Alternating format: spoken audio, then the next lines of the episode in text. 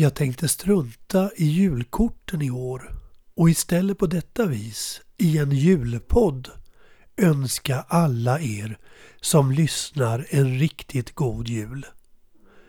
Och vad ska man i så fall prata om i en julpodd om inte jultomtar? För på något sätt så har denna tyska gamla tradition genomsyrat vårt julfirande på nästan alla världens kontinenter.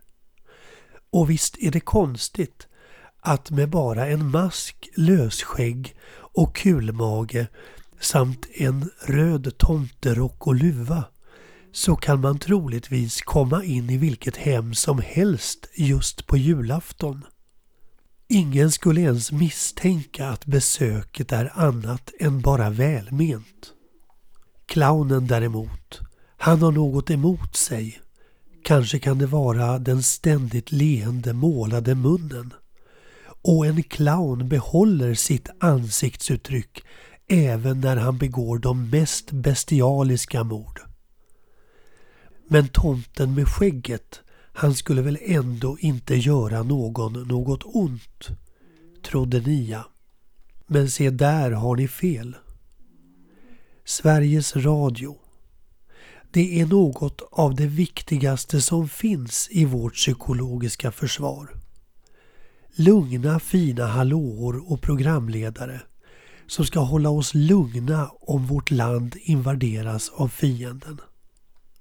Eftersom Sveriges Radio är just vad man i militära termer kallar för ett skyddsobjekt så låg det tidigt nära till hands att åsiktsregistrera alla anställda.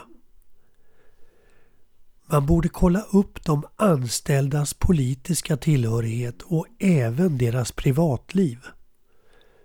Det var tidigt en arbetsplats med så kallade folkhemsspioner. En av dessa arbetade som chef för den tekniska avdelningen och där arbetade även min svärfar. En dag hittade min svärfar en mikrofon i sin bokhylla som var ansluten till en kabel som gick rakt in i väggen. Han följde kabeln på andra sidan väggen och i taket och i kopplingsskåp och till slut så hittade han den andra ändan så att säga. I ett låst rum på samma avdelning arbetade det nämligen en högst märklig man. Men vad han gjorde, det visste ingen. Trots detta så höll alltid chefen denne man om ryggen.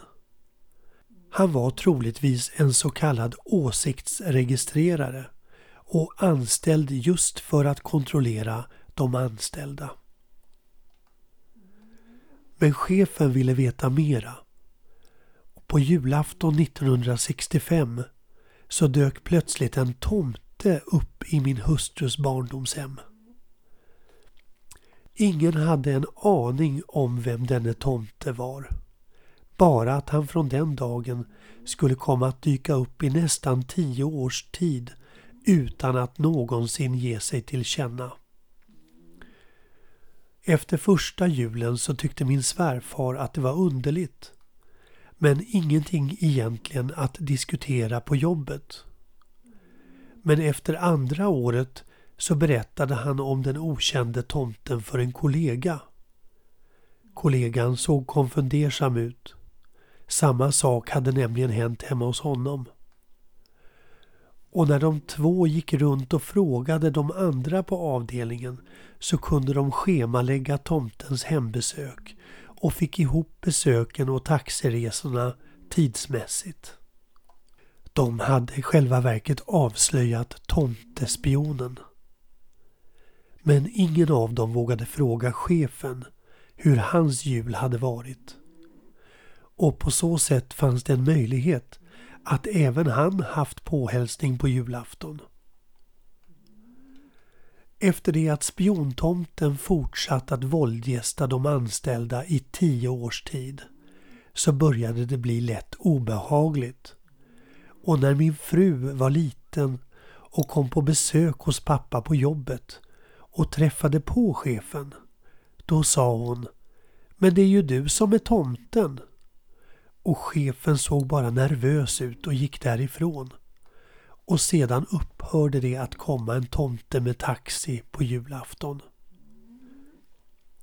När jag var liten så trodde inte jag på tomten och därför tog min mamma till ett nytt grepp. Hon utlovade en gratis klippning till en bekant till en annan bekant om han bara kom till oss och var tomte. Det blev rätt läskigt.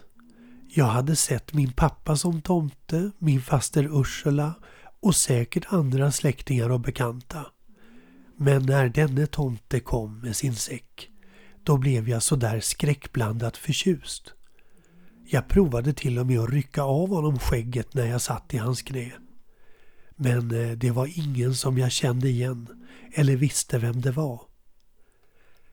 Hans röst var helt obekant och under lösskägget hade han en hård vass skäggstubb. Efter nyår så kom det en man hem till mig och mamma. Och hon bad honom slå sig ner framför en spegelbyrå och sedan vattenkammade hon honom. Jag satt på sängen och tittade på medan hon klippte och när hon var klar så gick jag fram och kände på hans kind. Det var du som var tomten, sa jag och han försökte förklara bort sig. Men jag var fast förvissad om att detta var just den man som hade haft tomtekostymen på sig och skägget hemma hos oss på julafton. Och visst hade jag rätt. Det var mamma tvingad att erkänna redan samma kväll.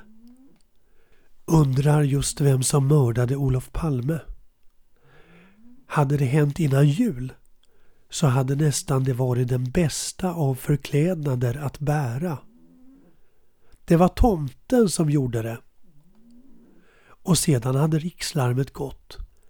Spärra av alla flygplatser för tomten får inte undkomma. Men det hade varit verkningslöst om det hade varit den riktiga tomten. För han hade bara satt sig i släden och manat sina förtrollade renar att stiga mot skyn och föra honom tillbaka till tomtelandet. Så alla barn och vuxna som fortfarande tror på den riktiga tomten.